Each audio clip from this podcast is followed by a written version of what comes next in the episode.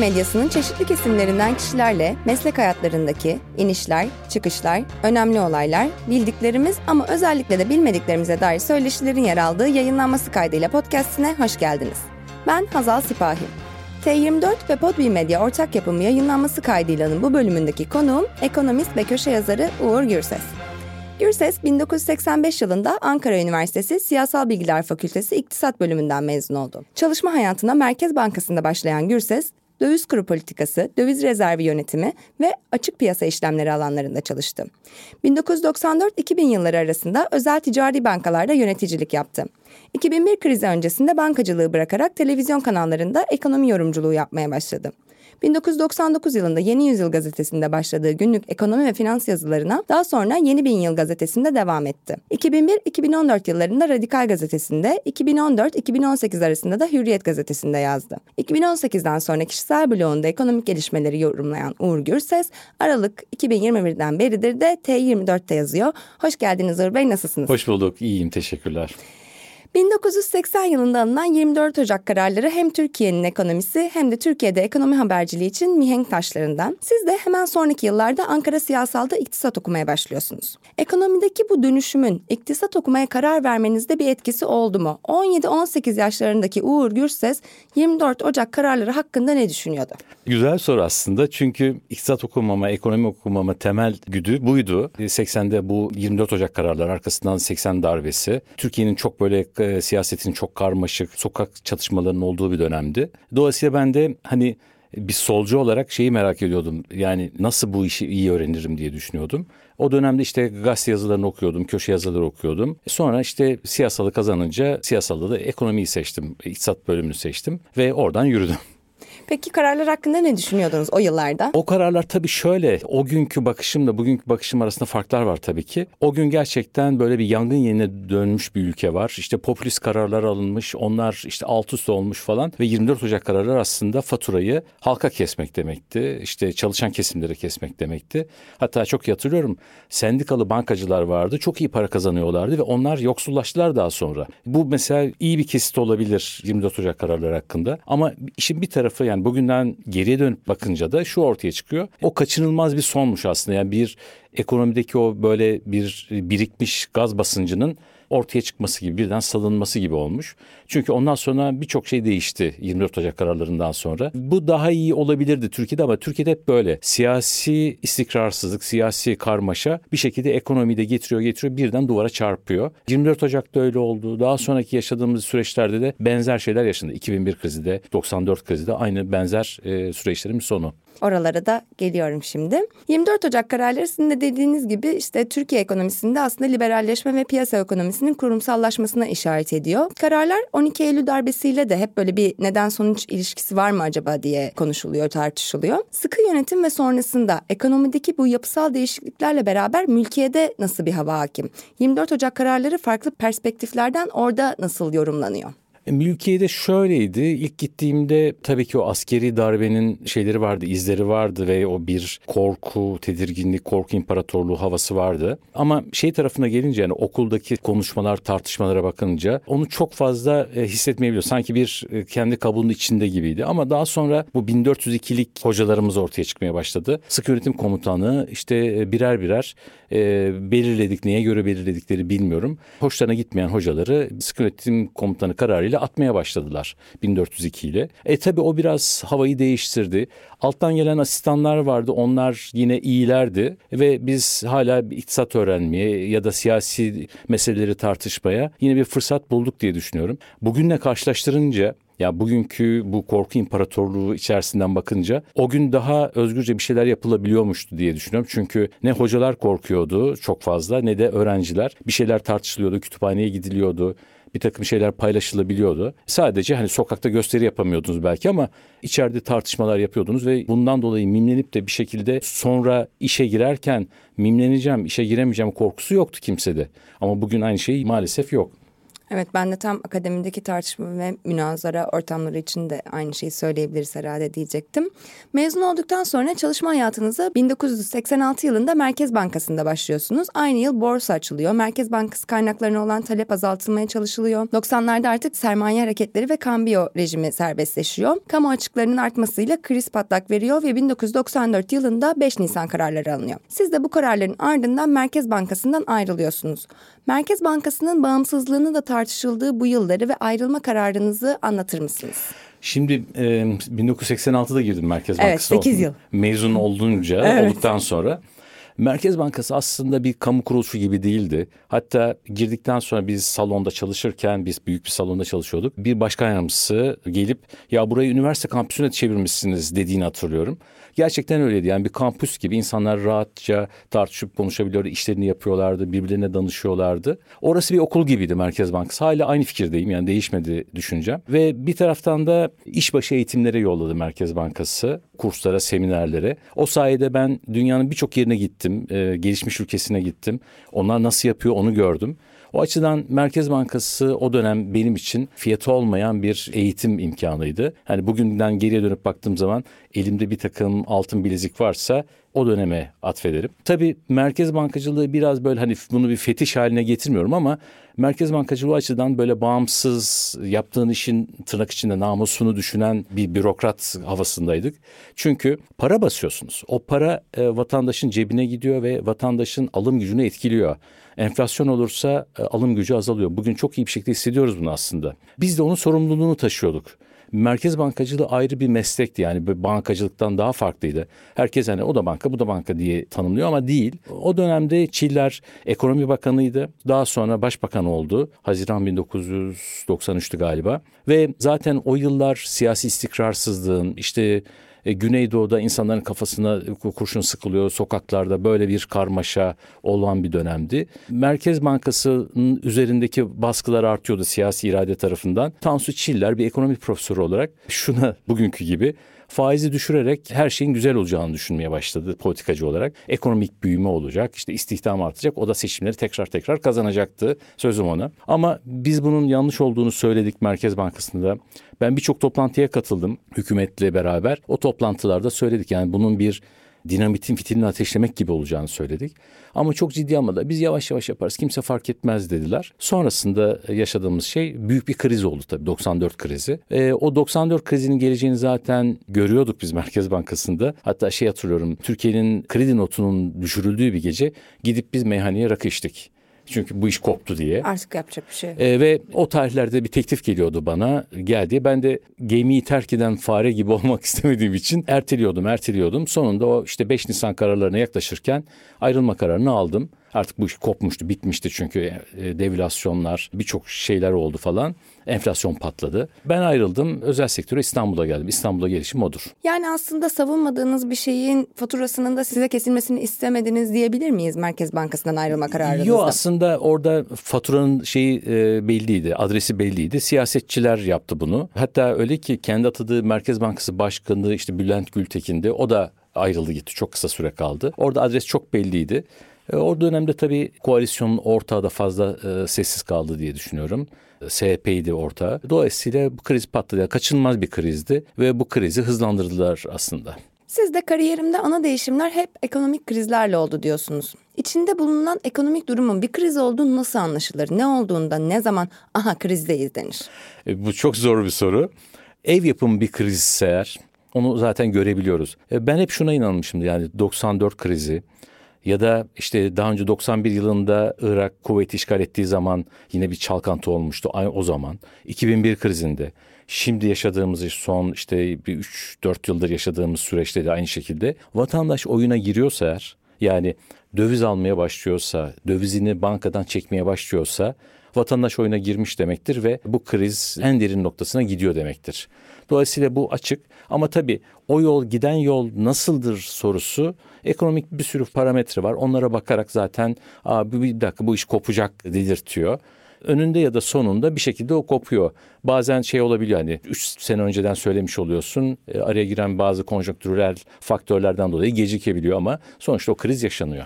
Anladım. Yani daha böyle ortak nokta olarak bir güvensizlik ve panik hali gibi tabii, bir şey diyebiliriz tabii. buna. Toplumun, halkın kendisinin inanmadığı, güvenmediği bir ekonomik model, uygulama ya da siyasetçi ekonomik krizden kaçamaz.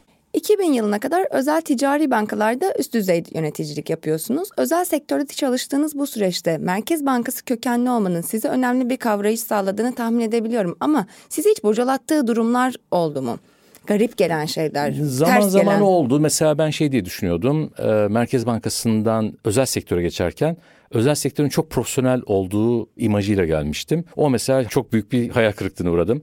Tam tersine şey mesela benden beklenen elimdeki altın bileziğin faydalarını görmeleriydi. Ben onu e, anlatarak, bir metodoloji anlatarak, bakın buraya bakmak lazım, şuraya bakmak lazım gibi e, bir metodolojiyi anlatarak yapıyordum. İlk başlarda mesela bunu mesela bir insider ya içeriden bir öğrensene falan gibi olduğu oldu. O mesela beni hayal kırıklığına uğratmıştı. Ya bir dakika ben buraya e, kendi yeteneklerimle gelmedim mi yani? Benim yeteneğimden faydalanmak istemiyor musunuz gibi.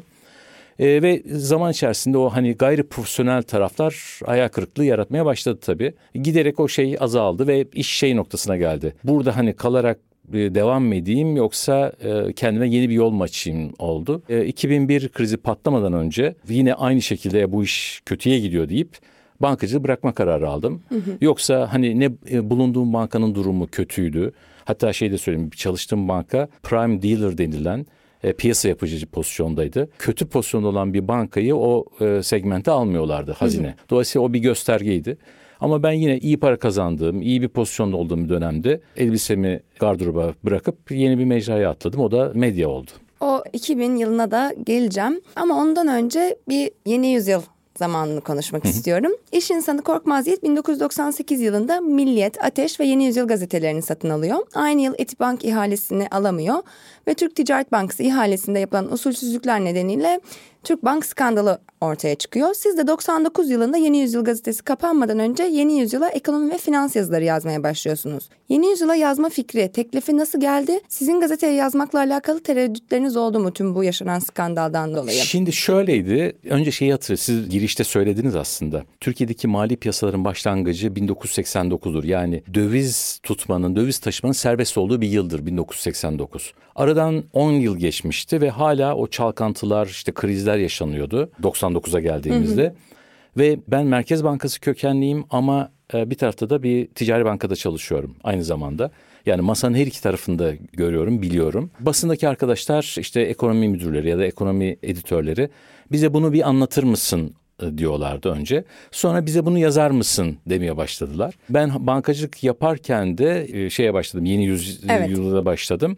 Hatta yazıların altına e, bu satırların yazarı bankacıdır diye not düşüyordum. Bunu düşmemin sebebi şeydi yani okur kim hangi gözle yazıyor onu bilsin. Hı hı. Objektif olması açısından. Yoksa hani bunu manipüle ediyormuş gibi hissediyordum e, yazmadığım zaman. Dolayısıyla o notu koyarak yazdım. Ama e, gazetenin patronluğuyla falan bir, bir ilişkim olmadı ama ekonomi müdürü ve ekonomi editörleri teklif etmişlerdi yeni yüzyılda. Daha sonra da aynı şekilde oldu zaten. Peki tereddütleriniz olmadı mı? Yani çünkü 99 yılı bu 98'de bu olaylar kopmuş. Gazetede nasıl bir hava hakim? E, gazeteye gelip gitmiyordum dışarıdan hmm. yazıyordum çünkü o, o benim için de büyük bir konfordu. Yani oraya bulaşma kendi yazını yaz yolla gibiydi. Dolayısıyla tabii şeyi görüyordum yani oradaki dalganın işte banka sahibi olanlar, gazete sahibi aynı zamanda medya sahibi o dalganın oraya doğru geldiğini görüyordum zaten. Hı hı. Dinç Bilgin tarafından 2000 yılında kurulan Yeni Bin Yıl gazetesinde yazılarınıza devam ediyorsunuz Yeni Yüzyıl. Hı hı. E, çünkü kapanıyor da 1999 yılında. 2001 krizi kapıda ve sizin kariyerinizde yine önemli bir değişim oluyor. Sizin de demin söylediğiniz gibi özel bankacılıktan medya sektörüne geçişiniz oluyor. Asıl geçişiniz diyeyim 2000 yılı. Hı. Ve sizi CNN Türk ekranlarında da görmeye başlıyoruz. O 2000 yılını bize daha detaylı anlatabilir misiniz? Yani Kent Bank'ta mı çalışıyordunuz? Kent Bank'ta Ayrılık çalışıyordum. kararı yani biraz girmiştiniz ama daha detayıyla evet. belki o ee, 2000 yılı. Kent Bank'ta çalışıyordum. O zaman e, ayrılma kararı almıştım. Bankın patronuna da söyledim ben ayrılacağım dedim. O zaman bana şey söylemişti. Sen sen e, yine bize gel ekonomi anlat ayda bir demişti. Danışman gibi bir pozisyonda. Ama şöyleydi. Bu kararı aldıktan sonra ben aynı zamanda e, CNN Türk yeni kurulmuştu o sıralar. Enis Berberoğlu ekonomi müdürüydü aynı zamanda. Hem Hürriyet'teydi hem de CNN Türk'ün ekonomi müdürüydü. E, bana şeyi teklif etti. Haftada bir cuma günleri programa gelir misin dedi. Gelirim dedim. Haftada bir cuma günü gelmeye başladım yorumcu olarak. Bir profesyonel bir ilişki değil yani konuk olarak geliyordum. Daha sonra benim bankacılıktan ayrılma fikrimi öğrendiği zaman da gel burada devamlı bir program yap. O profesyonel bir teklifti. Ve iş yemeği adı altında bir program yapmaya başladık. Biz haftanın her iş günü yapmaya başladım. Gelen konuklarla ekonomiyi işte piyasaları konuşuyorduk. O şekilde başladı yani televizyon macerası o şekilde başladı. Peki bankalardan sonra ekranlarda olmak nasıldı? Ee, ben rahattım zaten çünkü hani bir sahne korkum şeyim yoktu. O rahatlık da aslında tırnak içinde dışarıdan bakınca işte 40 yıllık televizyoncu gibi görünmüş olabilirim. O yüzden hani şey çok zorlanmadım. İkincisi en önemlisi bence tırnak içinde dersine çalışan biriydim ben e, rakamlara hakimiyetim. O yüzden hani şey olmuş olabilir. Onu sürekli rahat bir şekilde yapmama imkan sağlamış olabilir diye düşünüyorum. Demin şey demiştiniz banka iyi bir durumdaydı demiştiniz. Sonra Kent Bankama e, TMSF evet. tarafından el konulmuyor mu? Şöyle o, oluyor. Yine aynı yıla denk geliyor ben, sanırım. 2001 Temmuz'uydu yanlış hatırlamıyorsam. Ben zaten ayrılmıştım. O sıralar ekonomi işte kriz patlamıştı malum. 2000 aralığında birinci kriz patladı. O sonra o bir geçiştirildi. Şubat 2001'de de e, kriz derin incesine başladı. 2001'in Temmuz ayında işte bir dizi bankaya el kondu. Aslında şöyle bir fotoğraf var orada. Koalisyon hükümeti içerisinde MHP tarafı IMF'nin de anlaşma imzalanıyor ama o anlaşmanın koşullarına uymak konusunda ayak diriyordu. Ve IMF'ciler de şöyle bir şey yaptılar. Ya şu 8-9 bankaya el koyarsınız ya da bu iş biter gibisinden. E, çünkü IMF'den de bir destek alınması bekleniyordu o sıra. Yani sonra bir 25 milyar dolar geldi zaten. O dizi içerisinde Kent Banka'da el kondu. Nitekim daha sonra Kent Bank hissedarı e, hem borcunu ödedi hem de Avrupa İnsan Hakları Mahkemesi'ne kadar uzanan bir iptal davası vardı. Sonra hükümetle uzlaştı. Yani hükümette o davadan vazgeçerseniz biz de işte ceza davalarını düşürürüz dedi. Ama benim o bankadaki görevimden dolayı herhangi bir şekilde hı hı. bana dava açılmadı zaten. Onlar yani tek bildiğim kadar tek hukuki olarak şeyi kazanan e, e, Kent Bank oldu diye hatırlıyorum. O süreçte öyle oldu. CNN Türk'te çalıştığınız 2000-2005 yılları arasında ekonomi yorumculuğunun yanı sıra ekonomi haber yöneticiliği de yapmaya başlıyorsunuz. Banka ve medya yöneticiliğinin benzeşen yönleri neler oldu sizin deneyim ve gözlemlerinize göre? Bankada mı yoksa medyada mı yöneticilik yapmak daha baskı altında hissettirdi sizi? Onu kendimde şeyde görüyorum aslında bankadaki yöneticiyken yönetici olduğum bölümlerde insanlarla ilişkiler ve nasıl onlar nasıl şu anda neredeler diye bakıyorum. Bir de medyada e, yönetici olduğum dönem çok kısa bir süre gerçi yani bir sene bir buçuk sene belki. Oradaki ilişkilerime bakıyorum hiç karşılaşılabilir bir şey değil. Yani bankalar daha kurumsaldır, daha aidiyet duygusu vardır insanlarda, insanlara eğitim verilir. İnsanlar işte ne bileyim e, tatif edilir falan ama medya öyle değil. Medya tam bir jungle yani onu gördüm zaten. Çalıştım kısa süre içerisinde şey olarak, yönetici olarak. Ve şunu düşündüm yok bana göre değil bu yani ben bu e, şeyle uğraşamam diye düşündüm. Size istifa ettim zaten sonra. Peki neler size göre değildi bu insan ilişkilerinde yöneticilik yaptığınızda? Yani kolay kolay insan yani... harcamak mıydı bunun adı? Tam o jungle'ın jungle'da neler oluyordu? Yani şöyle işte kurumsallık yok dediğim o aslında. Yani bugün bir şey konuşuyorsunuz yarın başka bir şey söyleniyor size. Ne bileyim işte sizin yönetiminiz altında olan insanlar etraftan dolaşıyorlar. Bir üst yöneticiye giriyorlar. Alttan tekme atıyorlar. Bu tür şeylerdi. Yani benim hani bunu çok uzun sürdürmeme sebebim buydu. Bir de tabii idari sorunlar falan da vardı. Yani ben hani biraz doğrucu Davut gibi çalışan prodüktörler 8-9'da çıkıyorlar. Onlara saat 10'daki işte serviste servise gitmesini öneriyorlar. Ama işte kendi sekreterleri saat 6'da özel arabalarla yollanıyordu falan. Hı hı. Bu tür şeyler vardı yani benim kaldıramayacağım. E ben şöyle düşündüm yani bu koltukta yönetici olarak oturuyorsam eğer o zaman bunu yutmuyor olmam lazım. Yoksa hani bunu görmezden gelebilirsiniz çok rahat bir şekilde. E onları da çok yutamadığım için Dedim ki burada oturmaktansa kalkar giderim diye düşündüm. Okuduğum 2005 yılında yönetimle yaşanan anlaşmazlıklar nedeniyle CNN Türk'ten evet. anlaşmanız. O anlaşmazlıklar tam olarak ee, yani şey onların benden bir şey yoktu. Şikayetçiliği yoktu. Hani ben sesimi çıkarmayıp oturabilirdim. Ama dediğim gibi zaten çok da e, özellikle idari tarafta çok karmaşık bir şey vardı. Yönetim vardı. Bu beni çok rahatsız ediyordu. Nitekim hatta şöyle bir şey oldu. Ben istifa mektubumu mail olarak yolladım. Aa, yarım saat sonra bir baktım medya tabada çıktı. Yani Hı. istifanı kabul ediyoruz. Abi bir dakika nereye gidiyorsun denir ya da istifanı kabul ediyoruz dersin. Çantanı da çıkarsın. Abi baktım medya tavada çıktı. Sonra bana dendi ki yani bu çok ayıp bir şey değil mi? Benim sizin yolladığım mektubu e, medya tavada yayınlıyorsunuz. Buna sızdırıyorsunuz. İşte bizim e-mail güvenliğimiz çok iyi değil falan filan gibi bir şey söyledim. Tabii şey yani çocuk e, kandırmak için söylenen bir şeydi. O zaman şeye emin oldum yani. İyi ki bu karar almışım diye emin oldum. Genel müdür o zaman Ferhat Boratav mıydı? E, Ferhat Boratav yayın yönetmeniydi. Hı hı. O dönem e, başka biri işte şeydi idari işlere bakan sonra da zaten kovuldu şeyden CNN Türk'ten. Yani bu maili de aslında insan kaynakları sızdırıyor gibi bir şey mi söz konusu? Yok yani iki kişiye yolladım. Hı hı. Biri Ferhat Boratav'dı bir, bir de diğer o kişiydi. Tahminim öbür kişi sızdırdı diye düşünüyorum. Çünkü onun e, meşrebine daha uygundu çünkü. 2001 yılında Yeni Bin Yıl gazetesi tiraj düşüklüğü nedeniyle kapanıyor. Siz de yazılarınızı radikal için kaleme almaya başlıyorsunuz. 2014'e kadar da ekonomi yazıları kaleme alacağınız radikalle yollar nasıl kesişti? Şöyleydi ben Yeni Bin Yıl ve e, CNN Türk dönemi işte CNN Türk'e başladığım dönemdi. Hem program yaparken bir taraftan da yazmayı istedim. Ben kendim istedim yani şey hı hı. radikalde yazayım diye. E, İsmet de hemen köşeyi açtı bana ve devam ettim. O da memnundu ki demek ki devam ettirdi. Ya aslında kariyerinizde de en uzun süre kaldığınız yer değil mi? Evet ama şey yani yine ben şunu söylemek lazım. Gazeteye Bütün gazete yazılarım hep telifliydi. Yani e, 212'li kadroya girerek değil.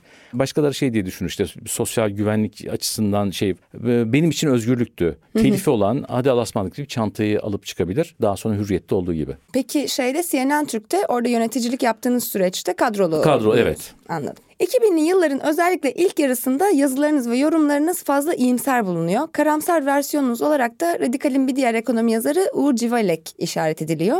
O dönemlerde iyimser olduğunuz yönündeki görüşlere katılır mısınız? Ekonomistin iyimseri, karamsarı, romantiği nasıl olur? Şimdi ben aslında iyimser ve kötümserlik değil gerçekçilik diye kendim bir tarafa koyuyorum. Ha bu çok böyle romantik gerçekçi olabilir belki insan ama şunu söylemek lazım. O tür yorumlar şeyde özellikle bu şeyde e, ekşi sözlükte falan çıkıyor.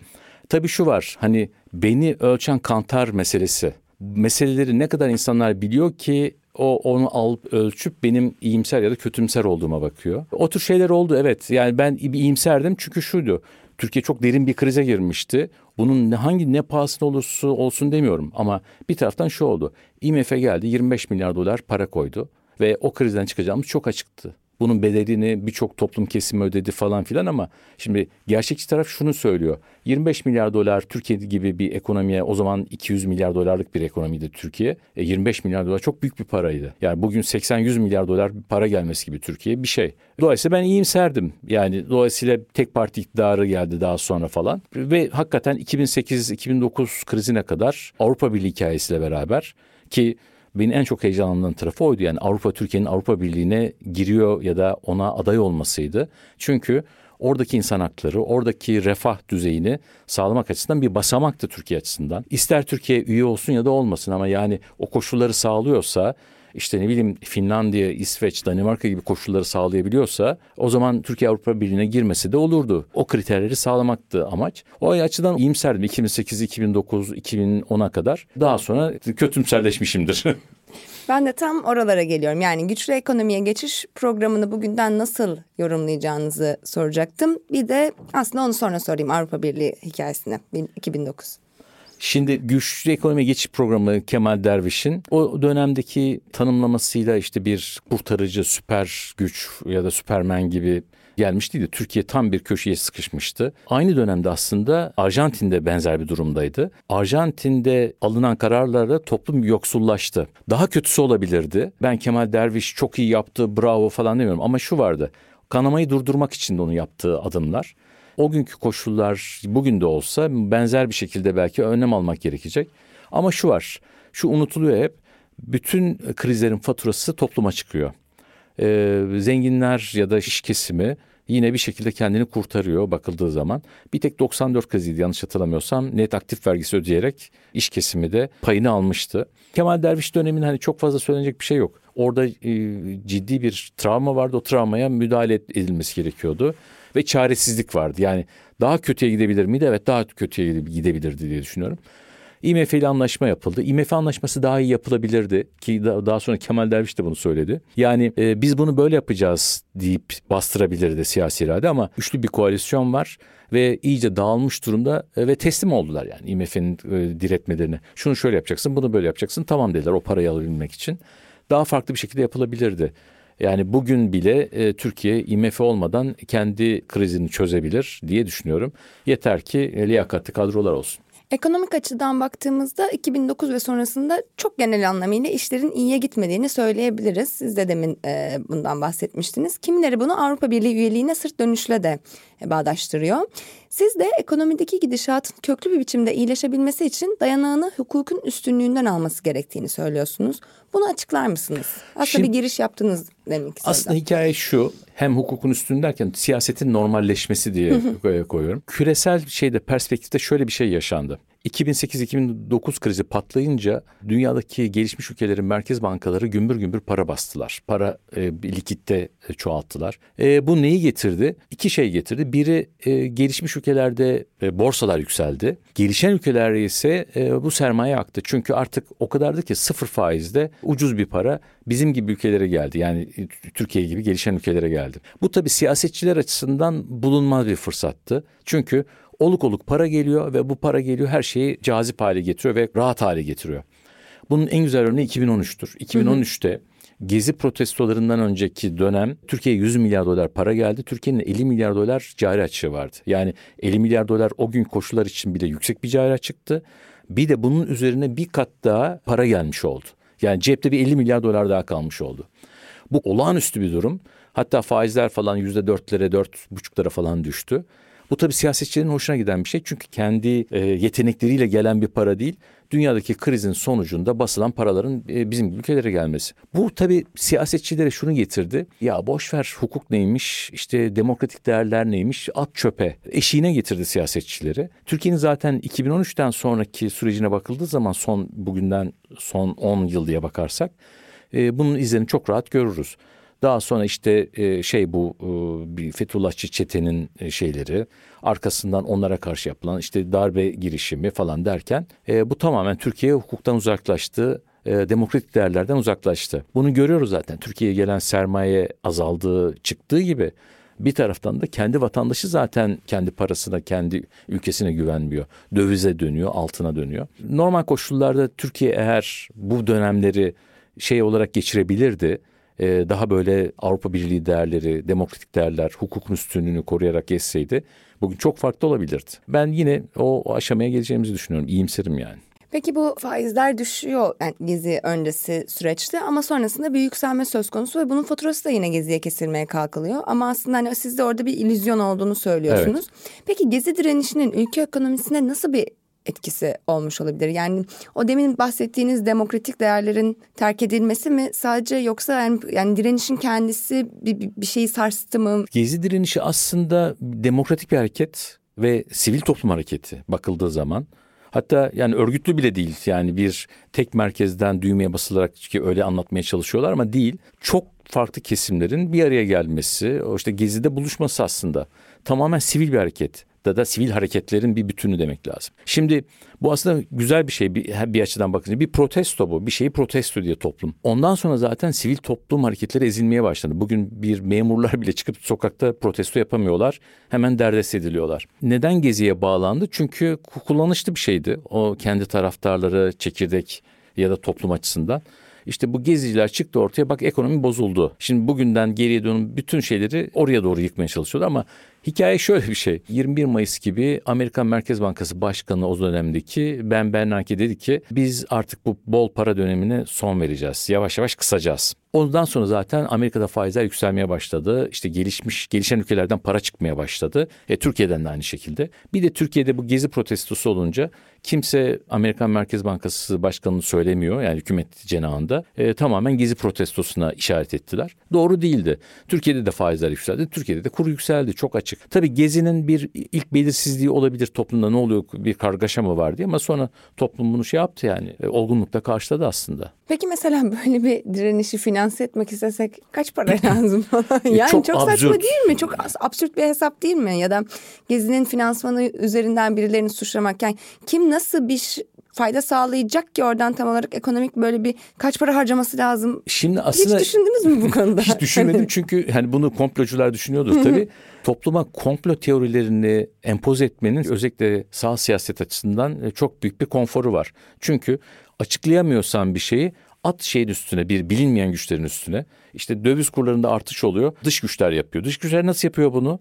Bakıyorsun rakamlara dış güç dediğin aslında vatandaş gitmiş döviz almış. Ya da Türkiye'deki şirketler döviz kredi borcunu kapatmış ki döviz alarak yapıyorlar bunu. Daha önce bu paralar gelirken iyiydi de o dış güçler Türkiye'yi yükseltmek istiyorlardı. Birden vazgeçip terse mi döndüler yani gibi. Tamamen şey e, Türkiye'deki popülist sağ iktidarların her zaman yapıştığı bir şey e, komplo teorileri.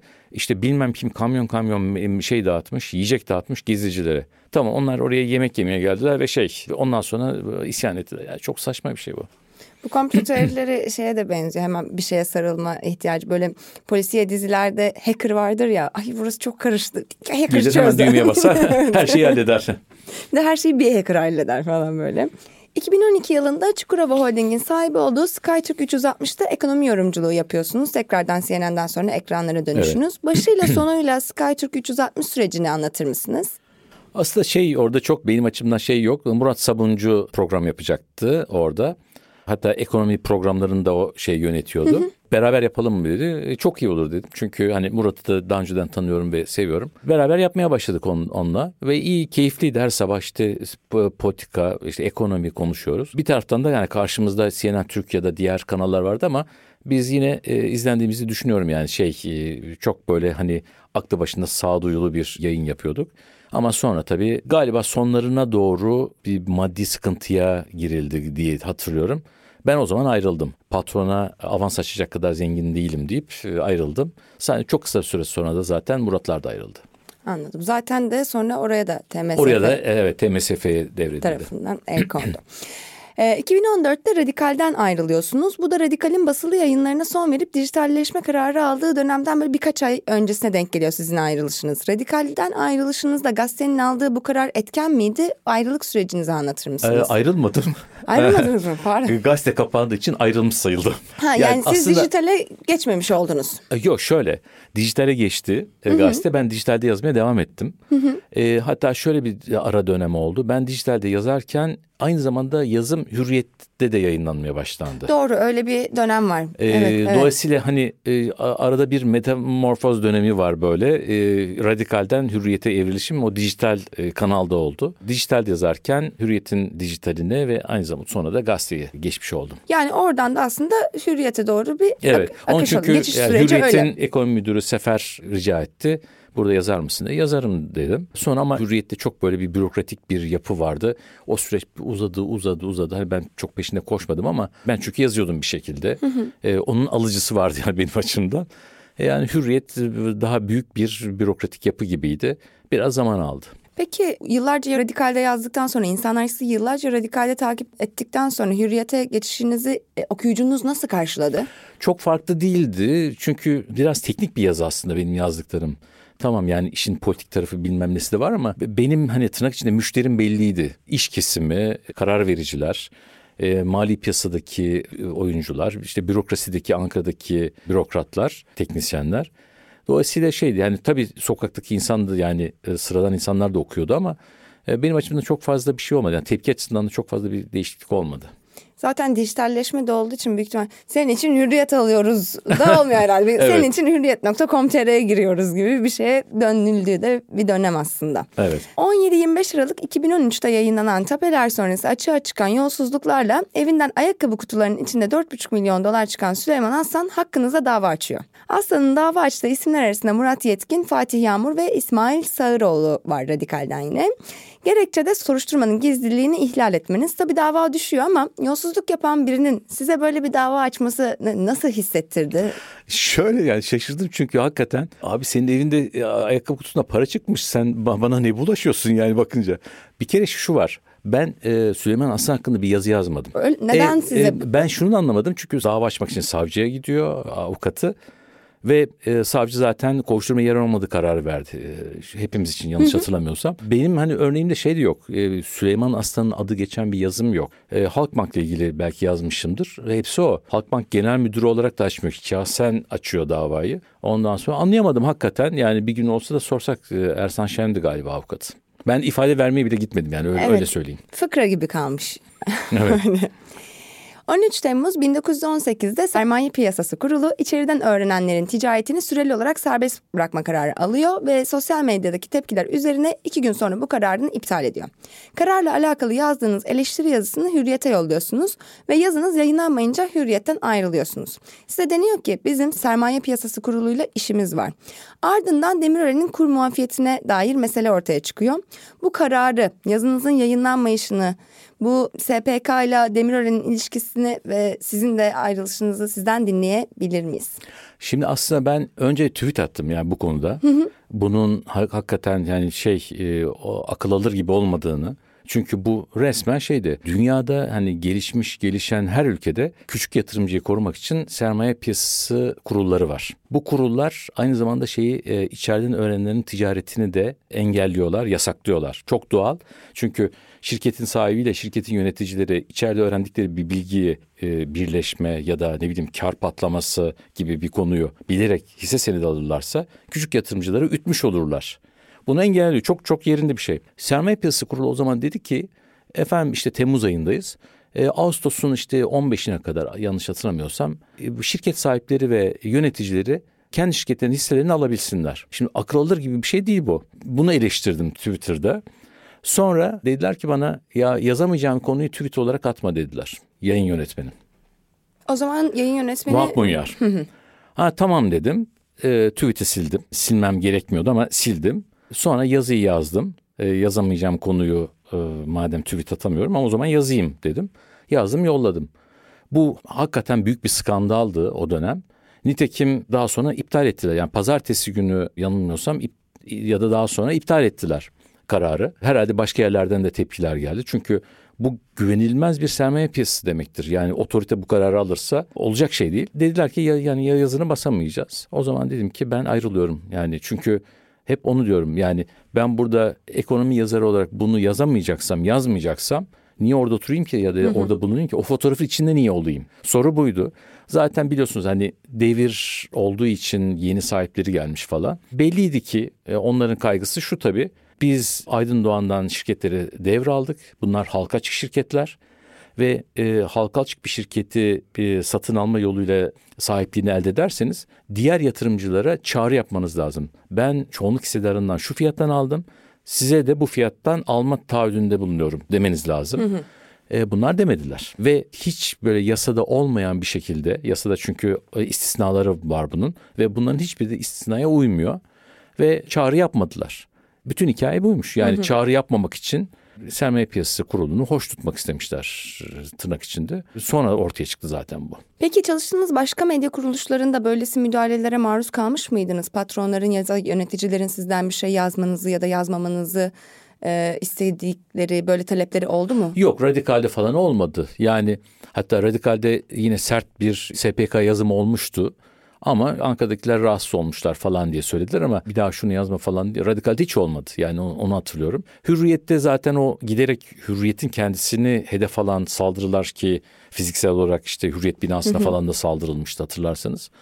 E, şu oluyordu tabii daha böyle köşeli yerine daha yuvarlak bir şekilde tanımlama ya da indirekt yazma otosansür bir şekilde e, üstünüze siniyor ister istemez. Yani sadece ben kendim için değil ama şey beraber çalıştığım kişileri de bir şekilde nasıl söyleyeyim şey altına gitmesinler diye daha böyle yuvarlak yazdığım oldu. Ama şey değil tabii ya konunun özü yine aynıydı yani değişmedi. Şeyi hatırlıyorum yani Hürriyet'te bu e, köprü geçsen de geçmesen de ödüyor Osman Gazi Köprüsü. Osman Gazi Köprüsü. Mesela onu yazdım. Şu, şu dönemde yazmak mümkün bile değil. Peki yani Demirörenlerin sahibi olduğu hürriyette mi bu otosansürü en çok hissettiniz kariyeriniz yok zaten boyunca? de, Demirörenler aldıktan sonra bir ya da iki ay e, geçti aradan.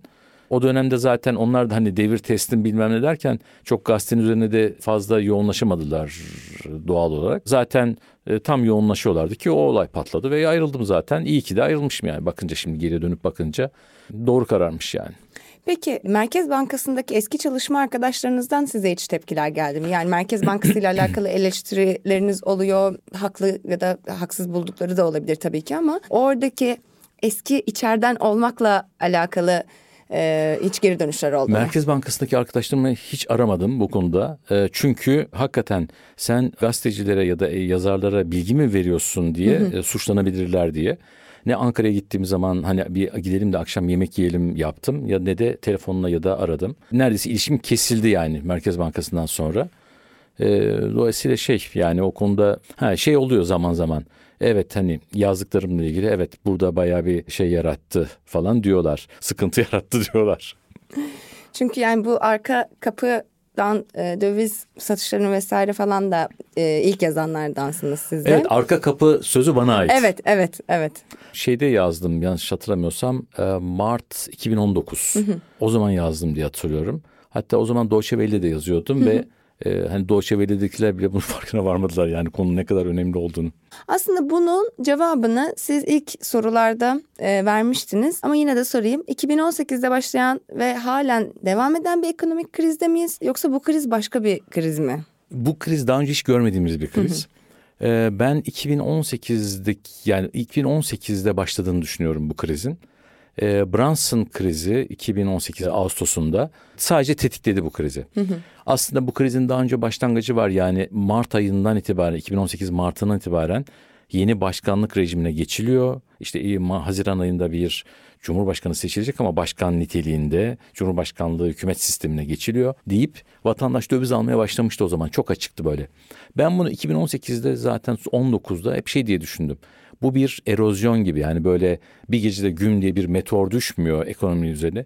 Bir erozyon gibi alttan alta çöken bir sistem. Oyuluyor. Oyuluyor ama insanlar çok hani bunu hissetmiyorlar. Meteor düşse hepimiz hissederiz. Bu böyle küçük küçük bir erozyon gibi öyle bir kriz ama çok büyük bir kriz. Yani e, belki de şeye bakıldığı zaman bunun sonucunu nerede görüyoruz? Orta sınıfın, orta kesimin yoksullaştığı bir kriz bu. Türkiye daha önce böyle bir şey yaşamadı. Yani orta sınıfı hızlı bir şekilde e, yoksullaştıran, yoksulu daha da yoksullaştıran bir kriz olmamıştı. Ama en çok orta kesimin ben çöktüğünü düşünüyorum bu krizde. Şunu yapabiliyorsunuz. E, Asgari ücretli evet ciddi bir enflasyonla karşı karşıya kalıyor. Ama bir şekilde asgari ücretliye enflasyon kadar zam veriyorsunuz yine düşük bile olsa bir şekilde kompanse ediyor. Ama orta kesimdeki insanlar aynı şekilde değil. Yani asgari ücretin üzerinde ücret alan insanlar asgari ücrete yapılan zam kadar aynı oranda zam alabiliyorlar mı? Hayır. Dolayısıyla onlar aşağı doğru yoksullaşıyorlar. E, bu o yani orta kesimi, orta sınıfı hızlı bir şekilde yoksullaştıran bir kriz ve daha önce görmediğimiz uygulamalar e, yapılarak sonuçları daha sonra ortaya çıkacağı bir kriz yaşıyoruz. Geçmişte bir işte kriz patlak veriyordu. Anında o onun sonucunu görüyorduk 94, 2001. Ama bu bir şekilde sonuçlarını da daha böyle orta vadede göreceğimiz bir kriz. Şu an sadece şey gibiyiz sanki. Ha efendim ha temassızım var evet falan gibi Evet, bir haldeyiz evet. sanırım. Evet. Hürriyet'ten ayrıldıktan sonra kendi web sitenizde yazılarınıza devam ediyorsunuz. Web sitenizde ya da podcast gibi yaptığınız başka işlerde de başlık olarak kullandığınız ekonomi alaturka derken ne demek istiyorsunuz? Türk usulü ekonomi nasıl bir ekonomi? E şimdi aslında bu yani bunu öngördüğümü söyleyemem ama bugün geldiğimiz yer aslında hakikaten Türk usulü bir ekonomi. Bugün hatta gelmeden bir şeye bakıyordum. Bakan Nebati biz kendi usullerimizde yapıyoruz ekonomideki kararları falan demiş. Türk usulü hakikaten yaparız, batarsa e, tekrar duruma tekrar bakarız. Bugün geldiğimiz nokta orası. Hiçbir şekilde ekonomi kuramlarıyla, ekonomi uygulamalarıyla, e, evrensel şeylerle e, ilgisi olmayan tamamen yamalarla şu anda gidiyor ve patlayana kadar patladı mı tekrar bir bakarız var. E, gün kazanmaya çalışan, günü kurtarmaya çalışan bir şey var, politika var. Nereye kadar götürürsek götür, götüremezsek Cumhurbaşkanı deriz ki olmadı, patladı deriz e, kafasındalar. Aslında doğru bir şey, başlık seçmişim. Ekonomi Alaturka. Evet ben de hatta böyle acaba e, Uğur Bey esprisini mi açıklatacağım gibi oldum ama e, şöyle de bir şey var. Belki de uzun vadeli plan sanki Türk usulü ekonominin benden sonrası tufan gibi de E tabii zaten aynen öyle yani siyasetçi açısından bakıldığı zaman benden sonra tufan. Şu şimdilik bugünü kurtarayım. Kıt kaynakların rasyonel bir şekilde kullanımıdır ekonomi diyorsunuz. Kaynakların rasyonel bir şekilde kullanılması meselesini medya üzerinden nasıl anlatabiliriz? Türkiye medyası nasıl ekonomi yapabilir? Valla şeyi söyleyeyim ben hani sevdiğim bir laf var aslında. Herkes dünyayı kurtarmak istiyor ama kimse kendinden başlamak istemiyor.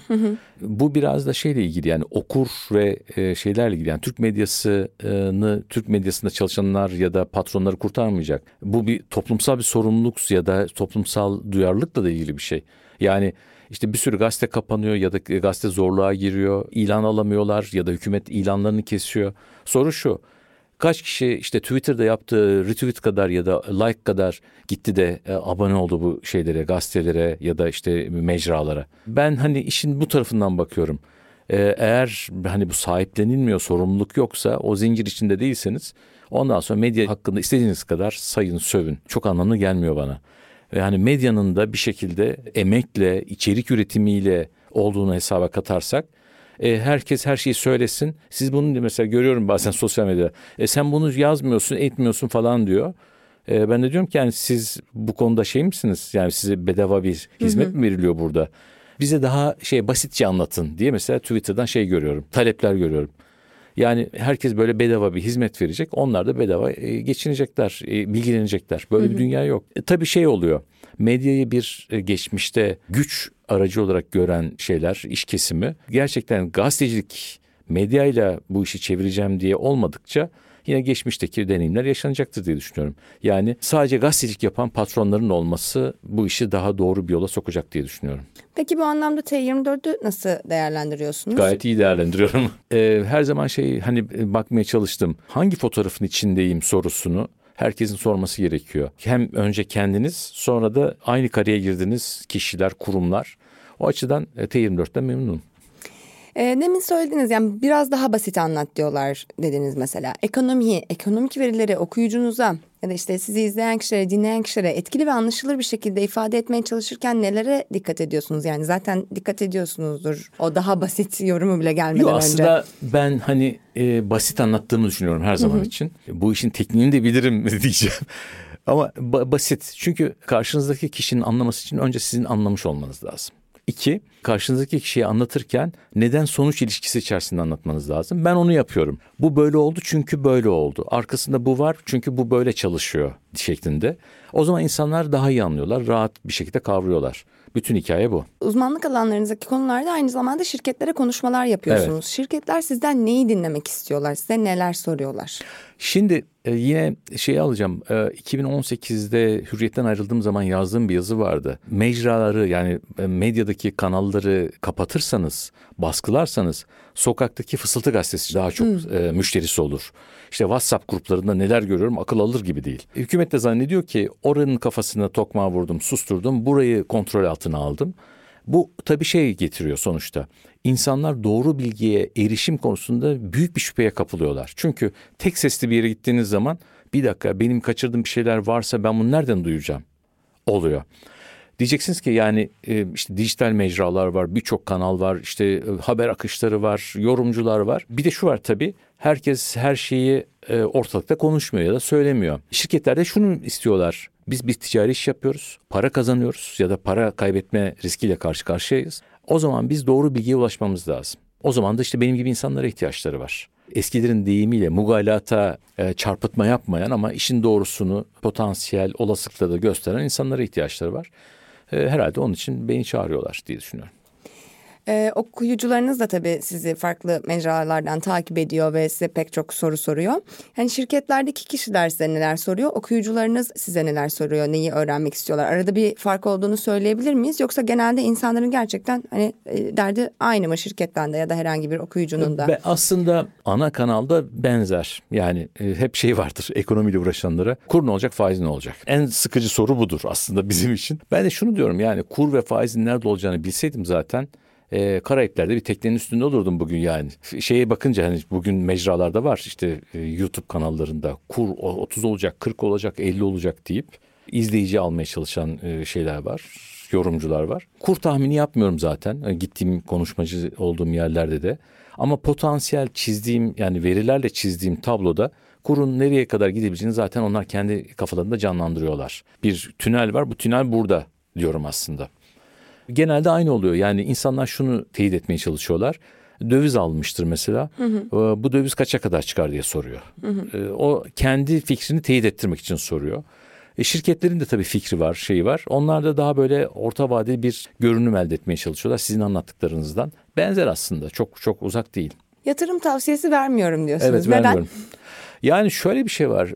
Yatırım tavsiyesi işte dolar alın desem ben bugün mesela birisine karşı tarafın bana şunu sorması lazım. Ne zaman satalım? Ben ne zaman satacağınızı söyleyemiyorsam bugün e, şurada alın dememin bir anlamı yok. Çünkü ya da başka bir karar da olabilir. İlla dolar değil yani. Mesela konut alalım mı ya da konutumu satayım mı gibi bir şey e, soru. Neyi ne zaman alacağınız, hangi karar vereceğiniz bir de e, çok öznel bir durum. Yani sizin gelir akışınızı bilmiyorum, sizin borçlarınızı bilmiyorum. Şimdi buna çıkıp da herkese genel, herkese aspirin veriyorum demek gibi bir şey bu. Doğru değil. E, herkesin farklı şeyleri var. İşte yan etkileri var, alerjileri var. Dolayısıyla doktor herkese farklı ilaç veriyor. Bu da onun gibi bir şey. Onun için vermiyorum demek daha doğru diye düşünüyorum. Peki hiç yaptığınız yorumlar, e, yazdığınız yazılar üzerinden size hesap soran okuyucularınız oldu mu? O oldu herhalde ama şey hani genelde ben teknik yani rakamla yazdığım için teknik demeyeyim de rakamla yazdığım için şu rakamı yanlış yazmışsın diye çok çok gelmiyor. Çünkü ben bir yazı yazmadan önce ana kurgusuna şeyine bakıyorum aslında mimarisine bakıyorum. O da rakam. Rakamlar yanlışsa eğer ve yanlış yorumlanmaya müsaitse o zaman yapmıyorum. Ama çoğunlukla ben bir ekonomik olgular ve rakamlar üzerinden hareket ettiğim için değil. Bu konuda mesela eleştirdiğim kişilerden de şey gelmiyor. Sen yanlış yazdın burada şöyle diye gelmiyor. Hatta şey hatırlıyorum yani Mehmet Şimşek ayrılırken bakanlıktan eleştirilerinizden çok yararlandım diye mesaj atmıştı bana ki olması gereken medeni ilişki buydu bence de. Peki mesela tabii ki de hani çok bilgi kirliliği var, yanlış bilgi, yalan bilgi ortalıkta dolaşıyor ama sosyal medya ve dezenformasyon yasasının ekonomi haberciliğine sizce etkisi nasıl olur? Şöyle olur yine az önce söylediğimle ilgili ekonomi çok yoruma açık bir alan. Mesela şey hatırlıyorum kur 7 olacak diyen kişilere dava açılmıştı. Hı hı. E, 2018 miydi hatırlamıyorum. Yok daha yakın bir zaman. E, kur 7'yi geçti yani. 3'e katladı neredeyse yani. 2'ye katladı.